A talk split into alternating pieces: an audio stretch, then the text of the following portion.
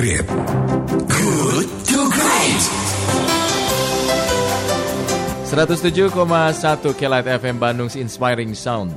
Anda masih bersama kami di Good to Great because good is the enemy of great.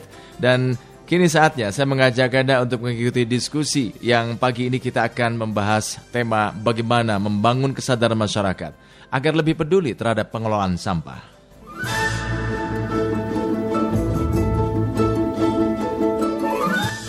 Sampah memang menjadi salah satu masalah perkotaan, terutama untuk wilayah kota yang padat dan sibuk, seperti salah satunya kota kita tercinta, Kota Bandung. Setiap hari masyarakat Kota Bandung turut menyumbang produksi sampah yang jumlahnya tidak sedikit. Direktur PD Kebersihan Kota Bandung, Gun Gun Sabtari mengatakan rata-rata dalam satu hari masyarakat Kota Bandung menghasilkan sekitar 1.500 ton sampah atau setara dengan luas satu lapangan sepak bola. Selain itu, sekitar 400 hingga 500 kg sampah terjaring setiap harinya di sejumlah titik sungai dan anak sungai di kota Bandung. Nah, jumlah tersebut adalah besaran sampah yang berhasil terjaring oleh fasilitas jaring sampah yang dipasangi tim Dinas Lingkungan Hidup dan Kebersihan Kota Bandung. Dengan keadaan seperti ini, dikhawatirkan TPA atau tempat pembuangan akhir yang menjadi muara sampah-sampah tersebut tidak akan bisa menampung lagi seperti yang terjadi di beberapa kota. Jika menilik pada kota-kota lain yang telah peduli terhadap produksi sampah, banyak kota yang maju peradabanannya di dunia sudah mengurangi dan memisahkan sampah sebagai bagian dari keseharian masyarakatnya. Di negara-negara lain juga, penanganan masalah sampah sudah lebih maju karena masyarakatnya itu sudah mempunyai kesadaran akan hal tersebut. Lantas dengan persoalan sampah di kota Bandung seperti ini, bagaimana caranya membangun kesadaran masyarakat supaya lebih peduli terhadap pengelolaan sampah? Dan bagaimana pula upaya pemerintah kota Bandung dalam menangani masalah sampah ini? Nah, pagi ini saya mengajak Anda untuk ikut mendengarkan pemikiran dari uh, narasumber kita yang akan kita ajak diskusi. Untuk yang pertama, saya akan berdiskusi dengan uh, Ibu Anilawati Nur Wahlidin, staf divisi kampanye Zero Waste, Yayasan Pengembangan Biosains dan Bioteknologi.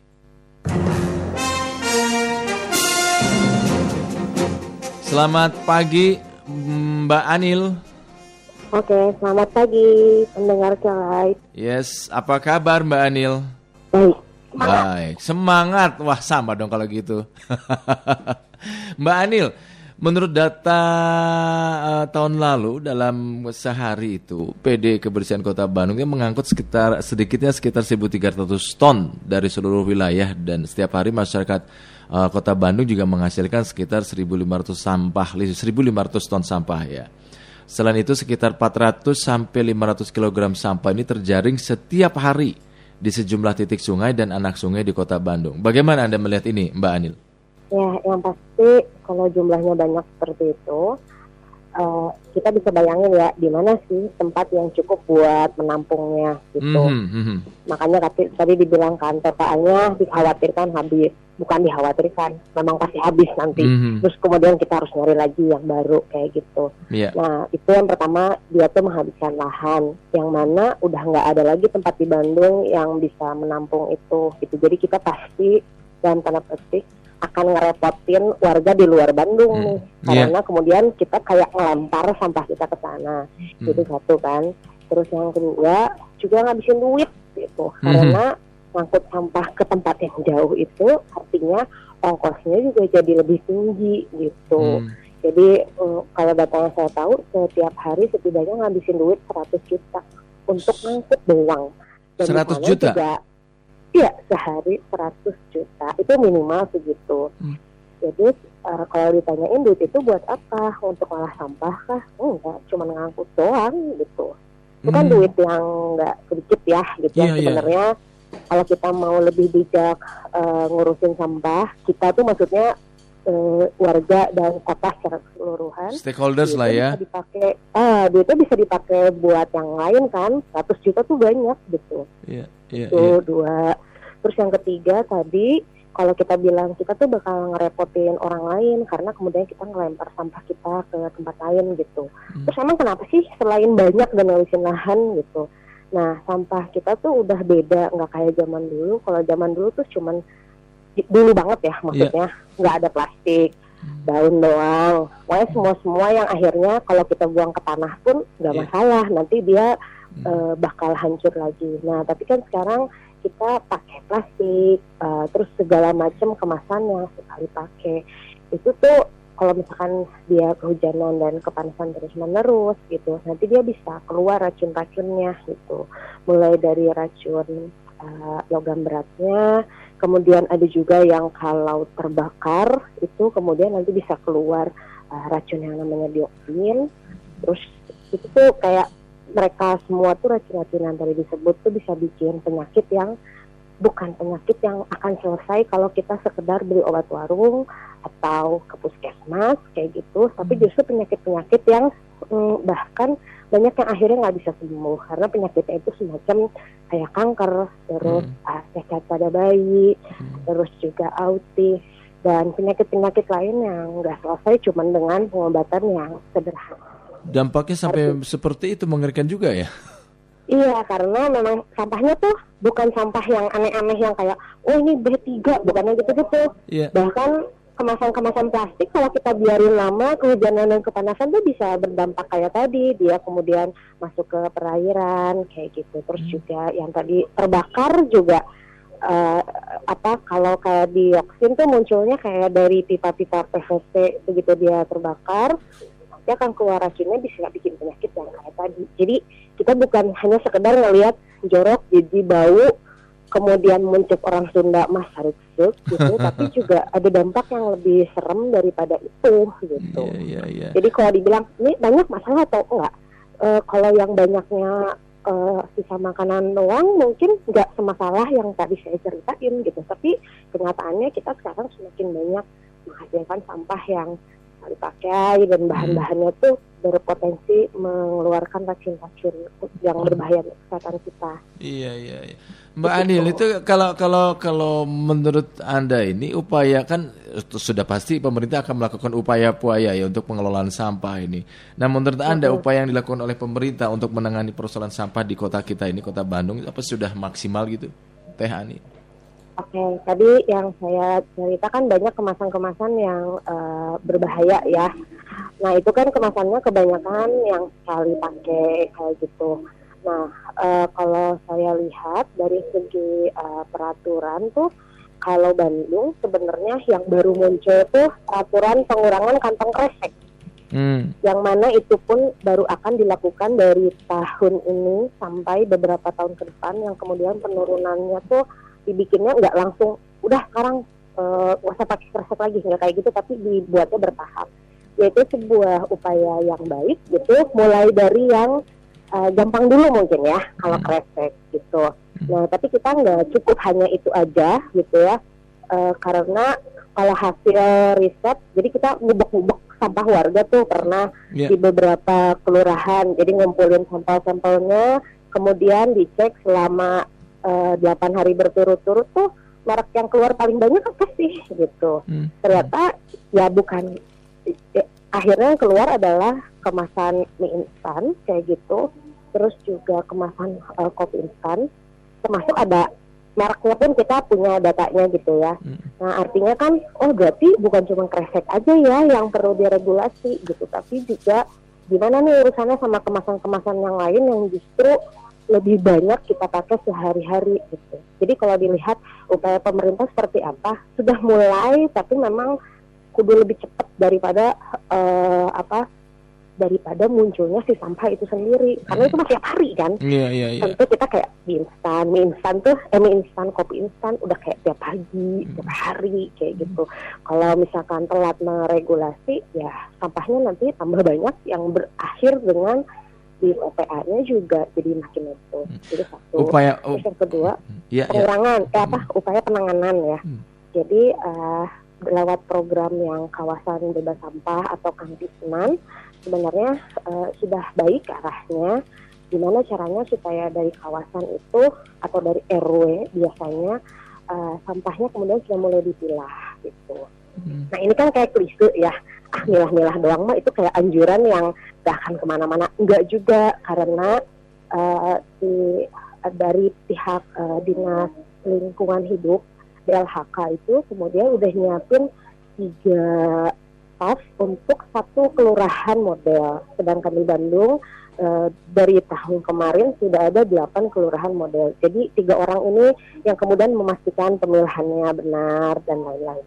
Dan mereka yang dari DLHK ini kerjasama juga dengan tim dari kita dari PBB. Gitu. Kita juga punya program serupa, jadi kita kerjasama bareng. Hmm. Nah terus uh, kalau misalkan mereka sangat dianjurkan untuk mengkompos sendiri di rumah karena kalau udah dipisah kemudian nggak dikompos mah nanti kebuang lagi ya yeah, gitu betul. kan uh, mengompos sendiri di rumah tapi kalau misalkan itu pun sulit uh, ngompos di kawasan. Jadi nanti dikoordinir sama RW ngomposnya. Misalkan bikin lubang pengomposan RW, bikin nanti masukin ke situ sampahnya.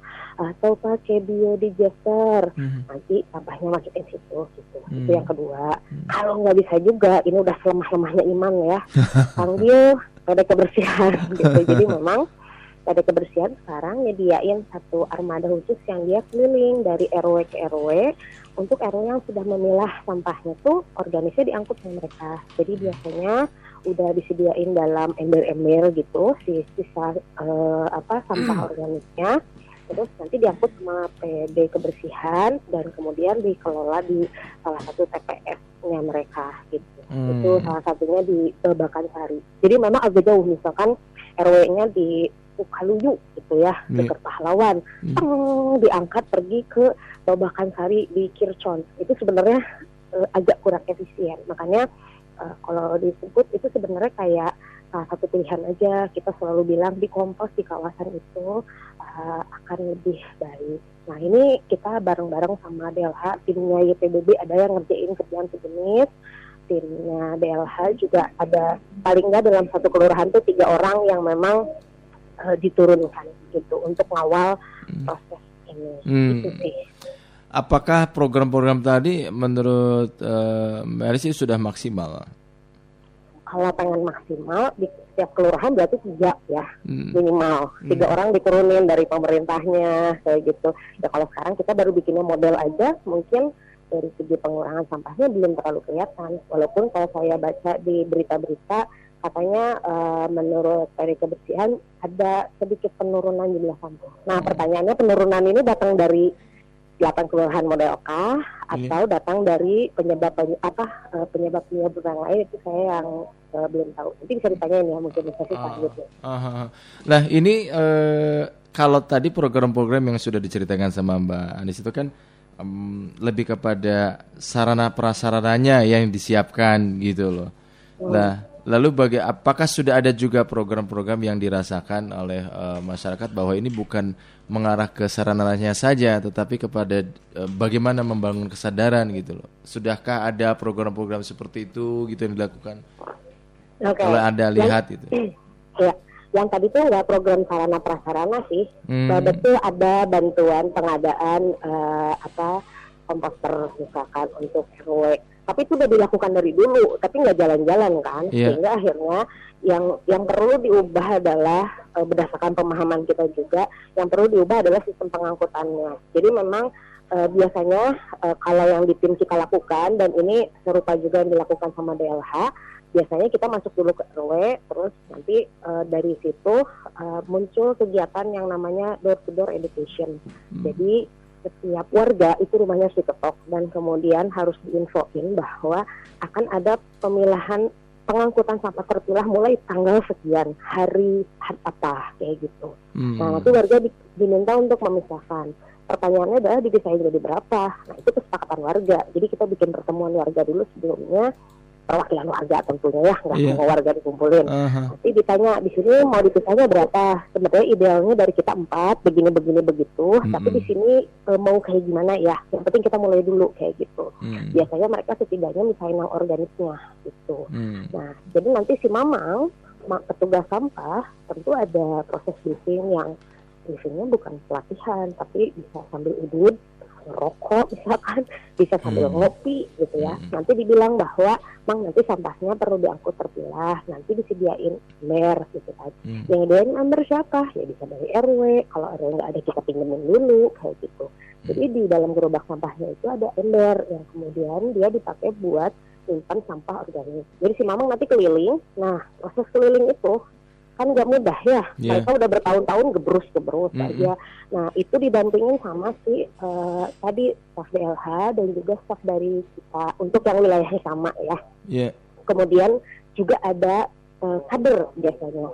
Nah kita kemudian nyatet nih si kader pertama yang nyatet uh, rumah mana udah milah atau belum, milahnya bener atau enggak yeah. gitu. Terus kalau misalkan ada yang belum benar, nanti selama masa uh, namanya door to door collection Oh, jadi ada door to door education, ada door to door collection gitu. Collection, collection itu pengumpulan terpisah, terpisah. Biasanya satu bulan biasanya kita kawal ya tiga tiga minggu sampai satu bulan tuh masih kita kawal kayak gitu okay. hampir setiap hari setiap hampir setiap kali pengambilan nah nanti kalau ada yang belum pisahin selalu kan diedukasi ulang oh ini bu ini masih belum tepat nih pemisahannya dan segala macam itu ibu-ibu kader atau KRT PRW-nya biasanya yang beraksi kita yang kemudian membarengi proses ini baik nah, baik nanti dari situ keluar angkanya hmm. oh, ketahuan nih wilayah ini yang yang milahnya baru tiga persen hmm. kenapa bisa keluar angka kan kita nyata setiap hari yeah. setiap kali pengambilan oh. jadi memang ini sistem yang diubah dan nantinya uh, harusnya kan kalau udah jadi peraturan nggak cuman RW model doang, nggak nggak cuman kelurahan model doang, tapi semuanya melakukan hal yang sama. Jadi ini kalau dibilang sarana prasarana bahkan ember pun ya RW yang nyediain kayak gitu. Iya, iya baik baik. Mbak Anil terima kasih atas informasinya ini cukup jelas dan sangat jelas malah. Jadi program-programnya ternyata memang uh, sudah lengkap ya. Tinggal bagaimana menjaga ini supaya uh, terus konsisten dan masyarakat Betul. juga sudah mulai terbangun kesadarannya akan bahaya sampah gitu ya. Baik. Dan kabarnya wali kota juga pengen meningkatkan jumlah RW yang bisa seperti itu. Nah, mau berapa targetnya? Itu yang kemudian kita tunggu ya di tahun ini. Kalau kemarin kan 8 kelurahan model, ah. katanya pengen ditingkatin lagi. Oh, nah, baik, itulah. baik, baik. Terima kasih Mbak Anil. Selamat pagi, sukses untuk Anda. Ya. Demikian sahabat Kelait Ani Lawati Nur Wahidin, Nur Wahidin, staf divisi kampanye Zero Waste dari Yayasan Pengembangan Biosains dan Bioteknologi. Jadi sudah dilakukan banyak, sudah banyak dilakukan oleh pemerintah kota bersama bekerja sama dengan stakeholders tentu saja salah satunya yaitu uh, Yayasan Pengembangan Biosains dan Teknologi. Jadi ada beberapa program yang sudah berjalan tinggal bagaimana tahun ini dan juga juga sudah ada wilayah percontohan ya uh, bagaimana tahun ini harus ditingkatkan lagi jumlah wilayah percontohan yang sudah mulai menjalankan program-program pengelolaan sampah ini. Tapi kita sebagai civil society tentu saja mempunyai tanggung jawab moral. Saya mengundang Anda untuk ikut urun rembuk, berbagi pandangan, bertukar pikiran. Menurut Anda, bagaimana membangun kesadaran masyarakat agar lebih peduli terhadap pengelolaan sampah. Anda bisa menyampaikan di nomor 0812-203-1972.